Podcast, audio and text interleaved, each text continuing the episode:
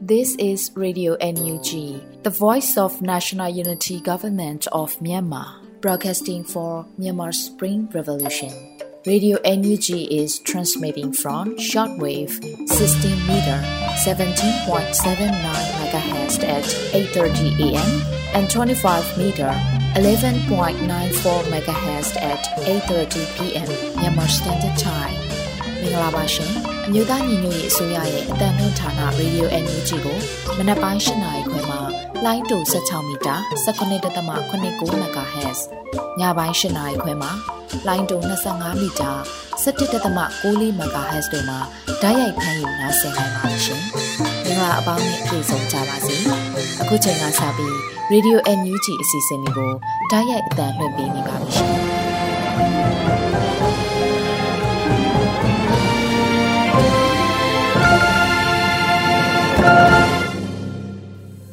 မြန်မာနိုင်ငံသူနိုင်ငံသားအပေါင်းတဘာဝပြီးစစ်အာဏာရှင်ဘေးတို့ကနေကင်းဝေးပြီးကိုစိတ်နှပါကြမ်းမှလုံခြုံကြပါစေလို့ Radio NUG အဖွဲ့သားများကဆုတောင်းမေတ္တာပို့သလာရပါတယ်ရှင်။အခုချိန်မှစပြီးကာကွယ်ဝိညာဉ်ဌာနရဲ့စီရေးတဲ့အချင်းချုပ်ကိုຫນွေဦးအလင်ကားမှတင်ဆက်ပေးမှာဖြစ်ပါတယ်ရှင်။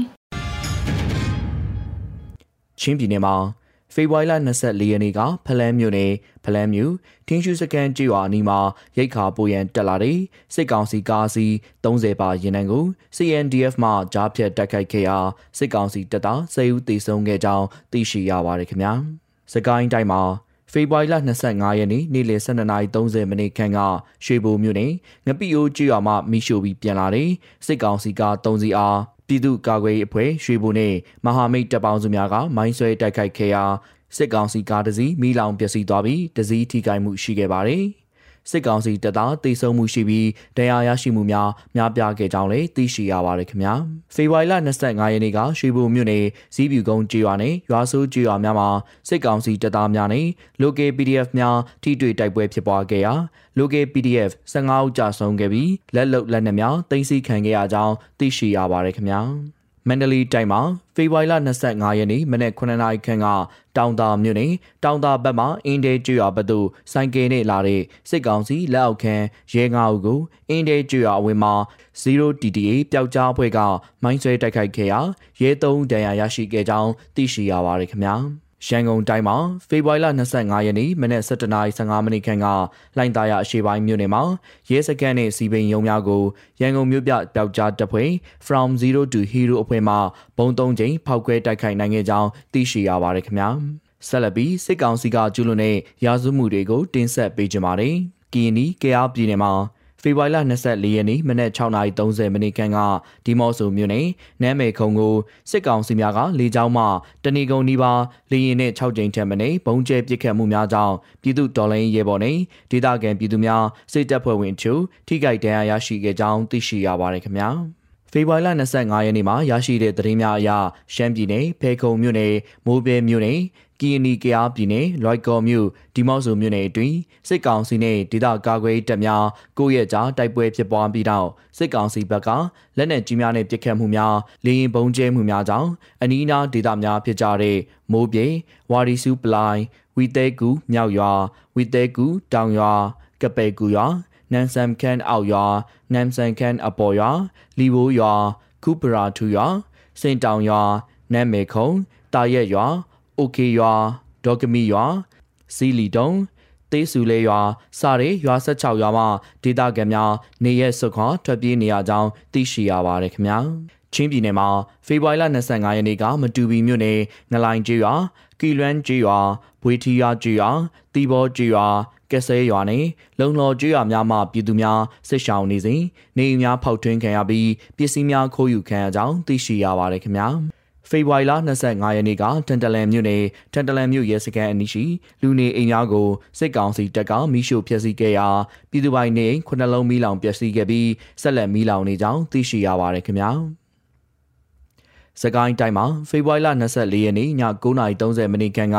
ရွှေဘိုမြို့နယ်ငပီအိုးကျေးရွာနဲ့ဂွေးကုန်းကျေးရွာများကိုစစ်ကောင်စီတပ်သားများလက်နက်ကြီးလက်နက်ငယ်များနဲ့ပစ်ခတ်ခဲ့ပြီးလူနေအိမ်43လုံးခန့်ကိုမိရှို့ဖျက်ဆီးခဲ့ပါတယ်။ ပြည်သူတူလက်နက်ကြီးထိမှန်တေဆုံးခဲ့ပြီးကြေးရွာနေပြည်သူများအားလုံးထွက်ပြေးတိမ်းရှောင်နေရကြောင်းသိရှိရပါတယ်ခင်ဗျာဖေဖော်ဝါရီလ24ရက်နေ့ကကမ်ဘလူးမြို့နယ်ဇော်ချောင်းကျွာမှာစစ်ရှောင်လာတဲ့ကိုအောင်ဘိုကိုစစ်ကောင်စီများကရိုက်နှက်ဖမ်းဆီးခဲ့ပြီးတေဆုံးခဲ့ကြောင်းသိရှိရပါတယ်ခင်ဗျာ။ဖေဖော်ဝါရီလ23ရက်နေ့ကကမ်ဘလူးမြို့နယ်တင်မော်ကျွာနီပြည်သူသုံးကိုစစ်ကောင်စီများကဖမ်းဆီးတပ်ဖြတ်ခဲ့ကြောင်းသိရှိရပါတယ်ခင်ဗျာ။ မကွေးတိုင်းမှာဖေဖော်ဝါရီလ24ရက်နေ့နေ့လယ်ပိုင်းကစောမြို့နယ်စောမြို့ဇေယျရက်ကွယ်တမ်းမင်ကုံရက်မှလေများကိုရဲများကအကြောင်းပြချက်မရှိဖမ်းဆီးသွားခဲ့ကြောင်းသိရှိရပါတယ်ခင်ဗျာအထွေထွေသတင်းအနေနဲ့ဖေဖော်ဝါရီလ25ရက်နေ့ကတနင်္သာရီတိုင်းဒဝဲမြို့နယ်ဒဝဲချင်းတောင်ထဲရှိနိုင်ငံရေးအကျဉ်းသားအမျိုးသားများဖျားနာနေကြပြီးကိုဗစ်လက္ခဏာများဖြစ်သည့်ချောင်းဆိုးခြင်း၊လေကြောင်းနာခြင်း၊ကိုယ်လက်ကိုက်ခဲခြင်း၊နှာစေးခြင်းနဲ့အပြင်းပြားခြင်းတို့ဖြစ်နေကြောင်းသိရှိရပါတယ်ခင်ဗျာ။ ကျွန်တော်ကတော့ຫນွေဦးလင်ပါပါ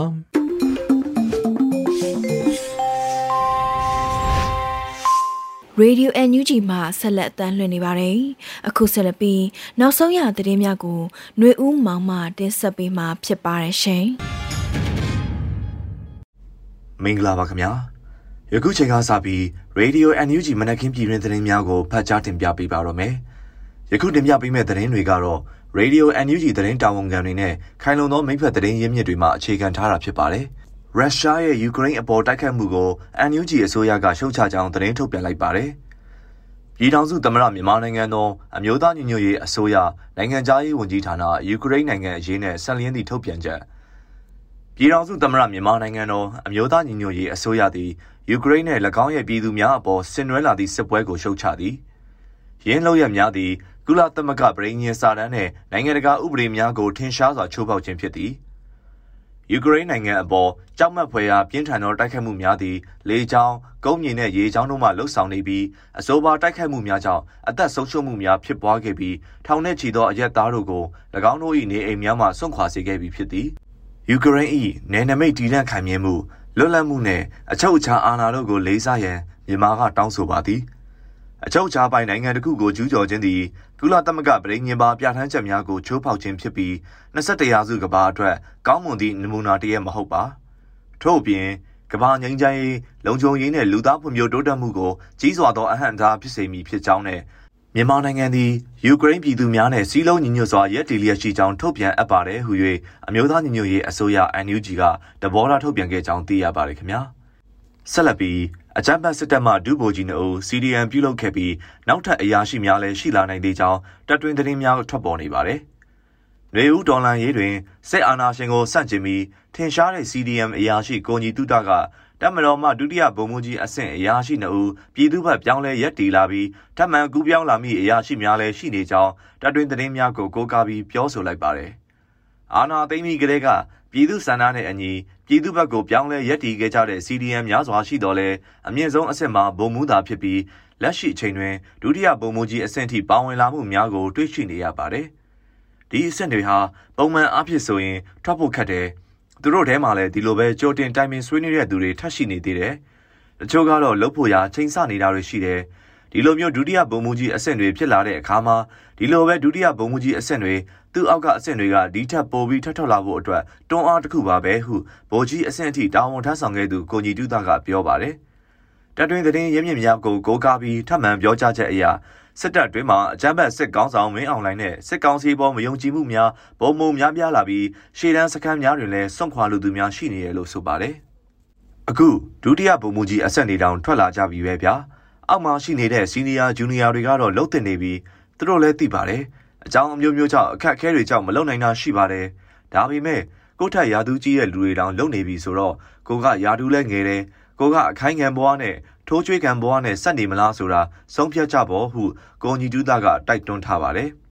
အမျိုးသားညီညွတ်ရေးအစိုးရ NUG ကလည်းအကြမ်းဖက်စစ်ကောင်းဆောင်များအကျိုးစီးပွားအတွက် ကိုပြည်သူကိုပြန်လည်တပ်ဖြတ်သောအလုပ်ကိုဆက်လက်လှုပ်ဆောင်မဲ့အစားပြည်သူလူထုဘက်ကိုရဲဝံ့စွာကူးပြောင်းရက်တည်ရန်စဉ်ဆက်မပြတ်တိုက်တွန်းနေတာတွေ့ရပါတယ်။လက်နက်အင်အားနှဲပါသောတိုက်ပွဲပြင်းထန်ရာတိုင်းရင်းသားဒေသများတွင်လက်နက်အပြည့်အစုံဖြင့်စီဒီအမ်ပြုလုပ်လာသူစစ်အုပ်စုမှမြည်သူကိုမဆိုငွေသားစုများဂုံပြူလျက်ရှိပြီးစစ်အာဏာရှင်လက်တွင်းမှဘေးကင်းရာဒေသများအထိလည်းစီမံပို့ဆောင်ပေးလျက်ရှိတာတွေ့ရှိရပါတယ်။အာဏာသိမ်းစစ်အုပ်စုကိုဖယ်ရှားရေးဟာစီရေးအဆုံးအဖြတ်ဖြစ်တာရှေ့ဆက်ရတော့မှာဖြစ်ပါတယ်။ ရေပြင်တွင်ဒေါ်လာရေးအဖွဲ့ဝင်များကအသက်ပေးကနေမအားညမနာတောက်ခံတွန်းလှန်နေကြပါတယ်။ပြည်သူလူထုကလည်းလိုအပ်ချက်များကိုစ조사ပန်းစားဆက်လက်ပံ့ပိုးနေရဆဲဖြစ်ပါတယ်စစ်အာဏာရှင်ကိုစန့်ကျင်သူမှန်သမျှလူတိုင်းဟာလုံနိုင်သမျှသောကူညီမှုများဆက်လက်လှုပ်ဆောင်ရန်လိုအပ်တယ်လို့ကိုကြီးတုဒကထုတ်ဖော်ပြောဆိုပါတယ်။ အကြမ်းဖက်စစ်ကောင်စီမှပြည်သူအပေါ်ရက်ဆက်သောတပ်ဖြတ်မှုများကိုလက်မခံနိုင်သောပြည်သူနှင့်ပူးပေါင်းလာသောစစ်သားနှင့်ရဲအရေးအတွက်ဟာတပေါင်းဝဲဝန်းကျင်ရှိလာပြီဖြစ်ကြောင်း CDN ပြည်သူ့ဘတ်တော်သားများကိုကူညီပေးနေတဲ့အဖွဲ့အစည်းများထံမှသိရှိရပါတယ်ခင်ဗျာကျွန်တော်ကတော့ຫນွေဦးမောင်ပါ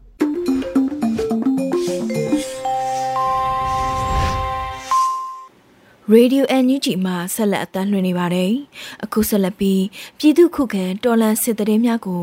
မင်းနိုင်ຫນွေဦးမှတင်ဆက်ပေးမှာဖြစ်ပါတယ်ရှင်။ပထမဆုံးတင်ဆက်မှာကရန်ကုန်မြို့နယ်ကိုကူမှာစစ်တပ်ထုတ်မြန်မာပြည်ရောင်းသောစိုင်15ခုကို YUG ဘုံခွဲတရီပေးပြီးစစ်တပ်ထုတ်ကုန်ရောင်းချမှုများချက်ချင်းရပ်တန့်ရန်ပြောကြားတဲ့တဲ့ရင်မှာရန်ကုန်မြို့ရှိမြို့နယ်ကိုကူမှာစားတောက်ဆိုင်နှင့် ကုံစုံဆိုင်15ခုကိုဖေဖော်ဝါရီလ24ရက်နေ့တွင်ပြည်သူ့ကာကွယ်ရေးတပ်ဖွဲ့ YUG အဖွဲ့ကဖောက်ခွဲမှုများပြုလုပ်ခဲ့ပြီးဖြစ်ပြီးကြန့်ရှိနေသောစားတောက်ဆိုင်များနှင့်ကုံစုံဆိုင်များအနေဖြင့်မြန်မာပြည်နှင့်စစ်တပ်ထုတ်ကုန်များရောင်းချနေမှုကိုချက်ချင်းရပ်တန့်ရန်ရန်ကုန် Urban Guerrillas YUG တပ်ဖွဲ့ကထုတ်ပြန်ကြေညာထားပါတယ်။စီးပွားရေးလုပ်ငန်းရှင်များအနေဖြင့်စတိုးဆိုင်များစားတောက်ဆိုင်များတွင်မြန်မာပြည်နှင့်အခြားသောစစ်တပ်ထုတ်ကုန်များကိုရောင်းချခြင်း လုံးဝလုံးဝမပြုတ်လောက်ကြရန်သတိပေးတားမြစ်ကြောင်းလိုက်နာခြင်းမရှိဘဲဆက်လက်ရောင်းချနေသောဆိုင်များကိုအကြမ်းဖက်စစ်တပ်၏ဖက်စစ်တောက်တိုင်များအဖြစ်သတ်မှတ်မည်ဖြစ်ကာဖက်စစ်တောက်တိုင်များကို YUG အနေဖြင့်ချွင်းချက်မရှိရှင်းလင်းသွားမည်ဖြစ်ကြောင်းကြိုတင်သတိပေးအပ်သည်ဟုထုတ်ပြန်ချက်မှာပါရှိပါတယ်။ထို့ပြင်အာဏာရှင်စနစ်ချေမှုန်းရေးဖက်ဒရယ်ပြည်ထောင်စုတည်ဆောက်ရေးအတွက်စစ်တပ်တောက်တိုင်များနှင့်သွေးစွန်းငွေများဖြတ်တောက်ရမည်ဖြစ်ပြီးစစ်တပ်ထုတ်ကုန်များကိုဝယ်ယူအားပေးခြင်းသည် ဖက်စစ်လုပ်ရများကိုငွေပေးချေနေခြင်းဖြစ်သည့်အတွက်ထို့သောသုံးဆွဲဝယ်ယူသူများကိုလူအခွင့်အရေးချိုးဖောက်သူများဖက်စစ်အားပေးသူများအဖြစ်မှတ်ယူသည်ဟုထုတ်ပြန်ချက်မှာဆက်လက်ဖော်ပြထားပါတယ်။ဆက်လက်ပြီးပခုတ်ကူမျိုးစီပင်သားရုံဝင်ရောက်ပစ်ခတ်ခံရပြီးဘုံခွဲတိုက်ခတ်ခံရတဲ့သတင်းတင်ဆက်မှာပါ။မကွေးတိုင်းပခုတ်ကူမျိုးစီပင်သားရုံကိုဖေဖော်ဝါရီလ25ရက်နေ့နနက်7:30မိနစ်ခန့်တွင် Equip People Defense for UG တပ်ဖွဲ့မှ အမျိုးသမီးဥဆောင်သည့်အဖွဲ့ကဝင်ရောက်ပစ်ခတ်ခဲ့ပြီးဘုံခွဲတိုက်ခတ်ခဲ့ကြောင်းရန်ဖော် UG တပ်ဖွဲ့ထံမှသိရှိရပါတယ်။အဆိုပါပခုတ်ကူမျိုးစီပင်သားရုံးသည်အကြမ်းဖက်စစ်ကောင်စီ၏အုပ်ချုပ်ရေးရန်ရာများကိုငွေကြေးစစ်စင်စေခြင်းများပြည်သူများအပေါ်အခွန်များအတင်းအဓမ္မကောက်ခံခြင်းနှင့်စီရီယံဝန်ထမ်းများကိုဆက်ဆိုခြင်းဖိအားပေးခြင်းများလှုံ့ဆော်ခြင်းကြောင့်တိုက်ခတ်ခဲ့ခြင်းဖြစ်ကအကြံဖက်စစ်ကောင်စီကိုငွေကြေးစစ်စင်ရေးလှုပ်ဆောင်နေသည့်နန်စီဒီအမ်များကိုပါ ပြစ်မှတ်ထားတိုက်ခတ်မည်ဟုရန်ဖော့ UG တပ်ဖွဲ့ကထုတ်ပြန်ထားပါတယ်။သတင်းချက်လက်များအရ24ရက်2လ2022ရက်နေ့တွင်စစ်ကောင်စီတပ်ဖွဲ့ဝင်68ဦးသေဆုံးပြီးထိခိုက်ဒဏ်ရာရရှိသူ19ဦးထိခုခံတိုက်ခိုက်နိုင်ခဲ့ပါတယ်။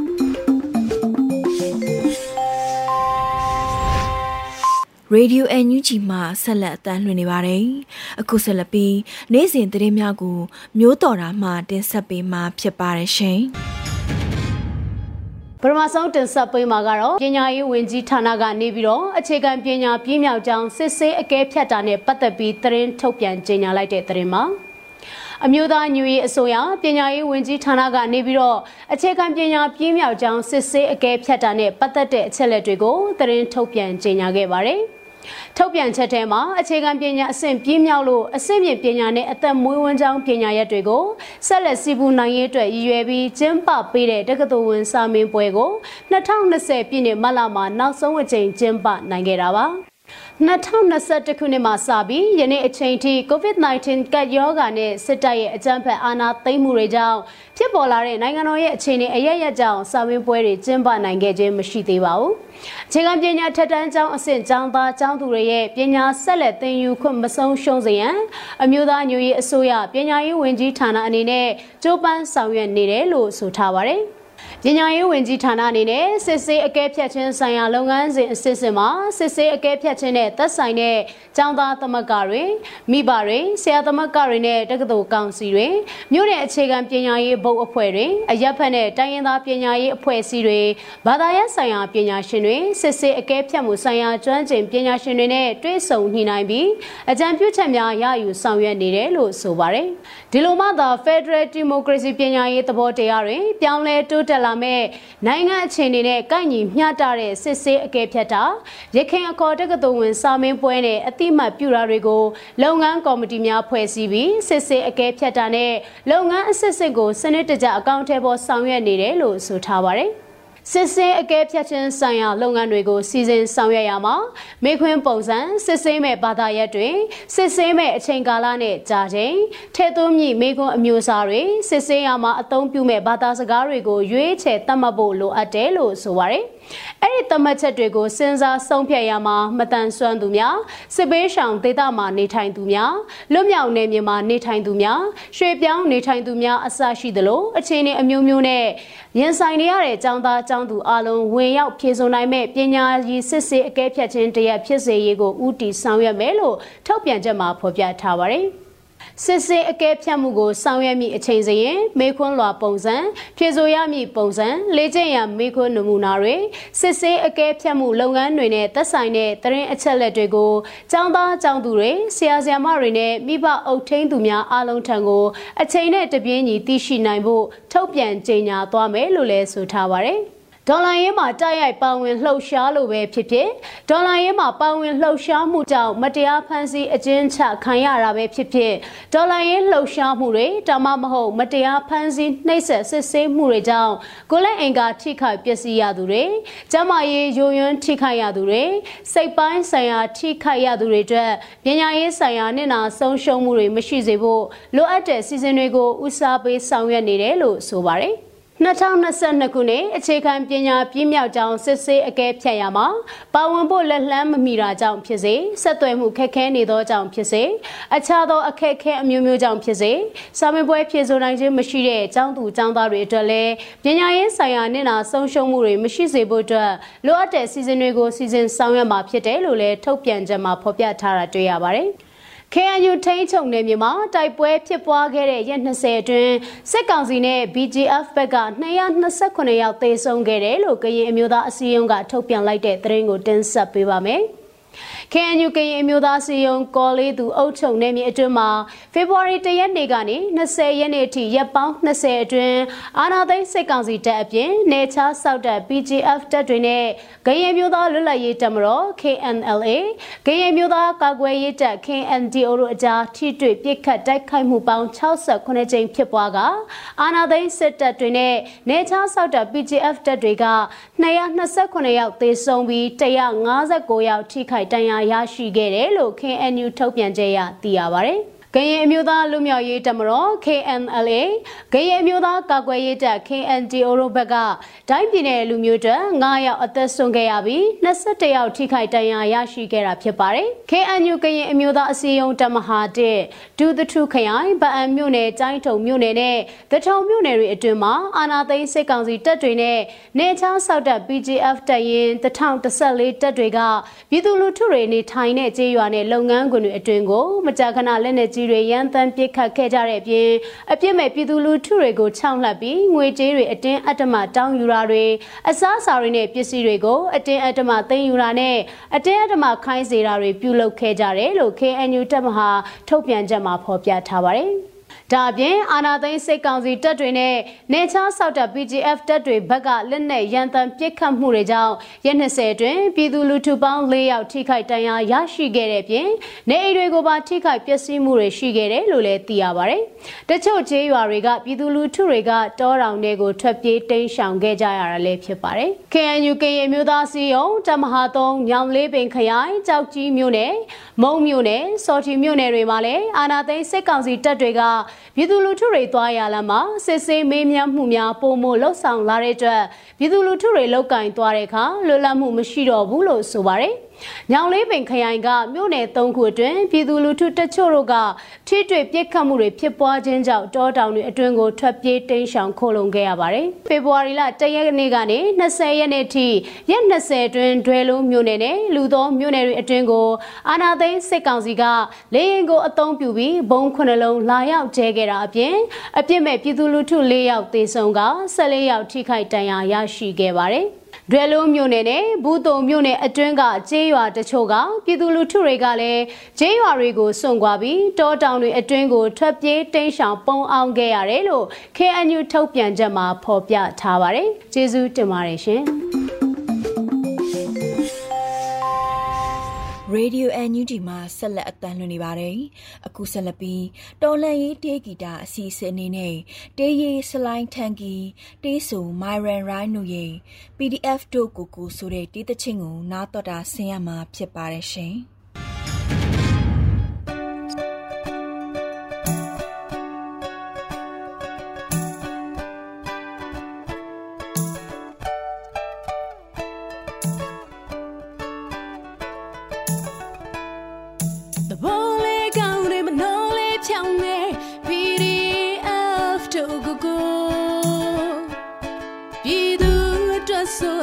CDF တို့ကိုကိုအများအတွက်ဆိုချစ်တ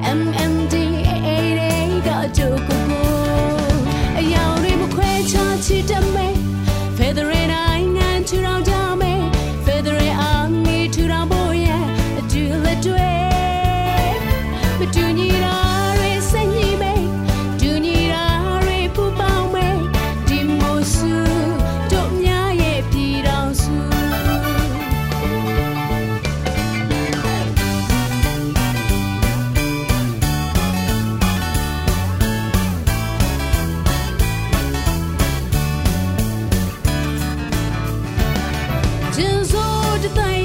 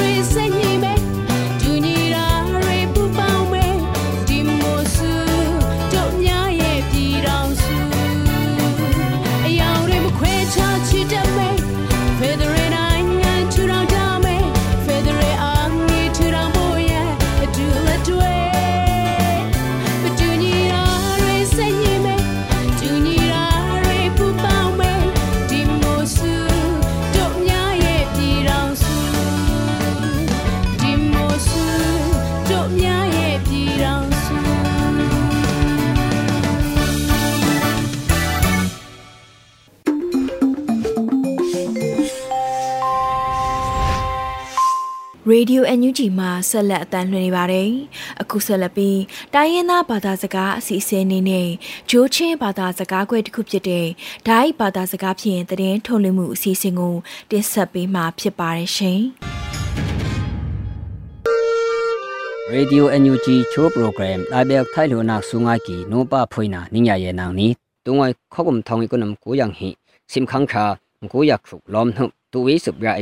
Abel Thailo na sungai ki no pa phoina ningya ye nang ni tungoi khogum thong ikonam ko yang hi sim khang kha ko yak khu lom thu tu wi sup ya ya thange sun ke da solai no kaning yam thelo khaya ka ki aksuk suka thu thanga lu ye ningai ma kom u aksuk suka CTF kam ple ya sesapu tuknak velu sesa ngkuyama thiki tia thanga kaki anghina ka thangta batua polikmat lipok selu ctf batu sunwai ki tia thang akthumna ka phalam da sitkia sesa ya kangton cntf no atuk tia thang aphuna ka india mizoram boy no bakhangeng tokha te ka pya khwi khang singna ka ya be ki tia thang amhana ka russia ya ukraine tukki hoi tia thang akhuna ka chok thu sun pum phen i wai ki e au ya yet ke tia thanga ka ke ni aksu ka thang ningai be kom u ctf kamble ya sesa puwe sun khom na phu tuk nak velu sesa da ngu yama thikya ka kini makui kho long swim lu akhu ka tui da sikia sesa pu sun ctf kamble now sim khang kha am hum kung ya tu ulu sesa khuk thikya ka ki ahina kham ku yam man hubung tuk nak be be tu lu sesa phu thikya ka ki ango yung ya tu be tu ulu ctf kamble dai pdf so ပုတ်ကီယာကာကီဆက်စာဟလျာတီလူလမ်ဆုကီဒမ်ဒါကီယာကာကီအဟိနာခါခွန်နှုတ်ဟလိကောခုငကိုယံဟိဆပ်တုကနာ ဖူဝီဝဲလူဆက်စာအန်ဒိုနမ်ငကိုယမတ်တိကီတီလူ CTF ကမ်ပလက်နော်သန်းအပရာကာကီနီဆက်စာဒါတီနာဒမ်ဒါလူစတုယာနမ်အီမေယက်စီပရိုလူဘရိုအိကေမောချောင်းနမ်နမ်အင်ဖီဖြူမီယုံအနိယစီဝါကာကီအန်ဟိနာကသန်းနင်းငိုင်ဘေခယေ batu polik zakhana khu neting polik mat sen het che lu ctf batu sunwa kia kakini asuna polik sun sim khang kha go yak thumung ctf batu sunwa khaya sen ikia kaki ahina polikak ba polik nakut zetsa nakut namsa da pui wai ctf da wan wai asuna phu sungwi ya belu dimna khoda ya thawai tilu ctf batu no thang akpra kakini စိကစုခမ်ကိုရခုကုံဘီချီမြန်တရင်ငန်ဟစ်တီတခုလူတချချီယာတူတ ချန်ဟီ ME1 စေနက်ဟီယန်ဒေါင်ဖရမ်ဟာယမ်ဟာကီပုန်ဟီမိုင်းမတ်ယာစေပွီလူ CTF ဘတူဒါပွီဝိုင်ခွက်ကီယာကကီဘတူဝါ CTF ဒါပွီဝိုင်ကီဆက်ဆာယာပူလီအန်ဒေါနာခါလီယတ်လွန်ဟောကီတီလူဖုန်ယက်ဝက်ကီယာကကီအခုမနာကထန်းနိငိုင်ဘေကောမူ phalam lu da e ok ku kap ya tha khai sit kia se sa ya kang tun chun cntf no ya tu ulu se sa kha thi kia ka kini phalam da siki asuna se sa pu a kang tun chun thum ki lok ya ka ki sim khang kham ku ya phung cntf no atuka ka ki se sa pu da kha thi lu cntf no da lemna ame ti lu cno chin national organization no sim khang kham ku yam hang thang anik pra wa ka ki အဖု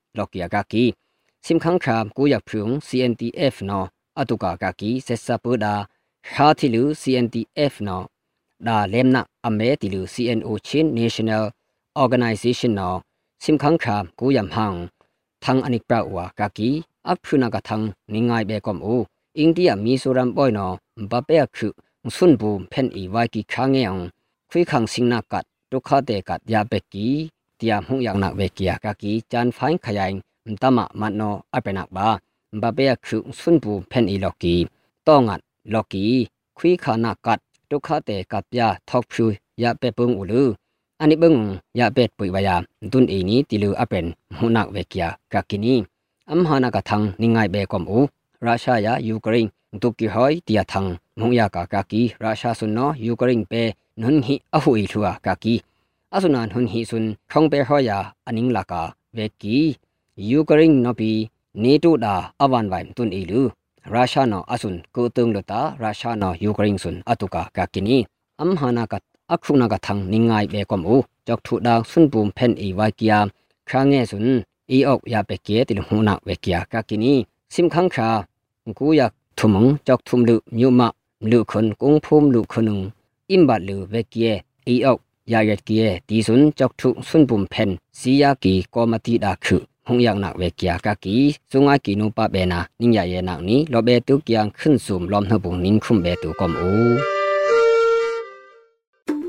ဒီကနေ့ကတော့ဒီညနဲ့ပဲ Radio NUG ရဲ့အစီအစဉ်လေးကိုခਿੱတရနာလိုက်ပါမယ်ရှင်။ မြမစံတော်ချိန်မနက်၈နာရီခွဲနဲ့ည၈နာရီခွဲအချိန်တွေမှာပြန်လည်ဆုံတွေ့ကြပါစို့။ Radio NUG ကိုမနက်ပိုင်း၈နာရီခွဲမှာလိုင်းတူ16မီတာ19.8 MHz ညပိုင်း၈နာရီခွဲမှာလိုင်းတူ25မီတာ17.6 MHz တို့မှာဓာတ်ရိုက်ဖမ်းလို့နိုင်စေနိုင်ပါပြီ။မြန်မာနိုင်ငံသူနိုင်ငံသားတွေကိုစိတ်နှပြကျန်းမာချမ်းသာလို့ဘေးကင်းလုံခြုံကြပါစေလို့ Radio NUG အဖွဲ့သူဖွဲ့သားတွေကဆုတောင်းမြတ်တာပို့တာလိုက်ရ ပါတယ်ရှင်။မျိုးသားညီညွတ်ရေးအစိုးရရဲ့စက်သွယ်ရေးသတင်းအချက်အလက်နဲ့လူပညာဝန်ကြီးဌာနကထုတ်လွှင့်နေတဲ့ Radio NUG ဖြစ်ပါတယ်။ San Francisco Bay Area အခြေစိုက်မြန်မာမိသားစုတွေနဲ့နိုင်ငံတကာကစေတနာရှင်လို့အားပေးနေတဲ့ Radio NUG ဖြစ်ပါတယ်။အရေးတော်ပုံအောင်ရမည်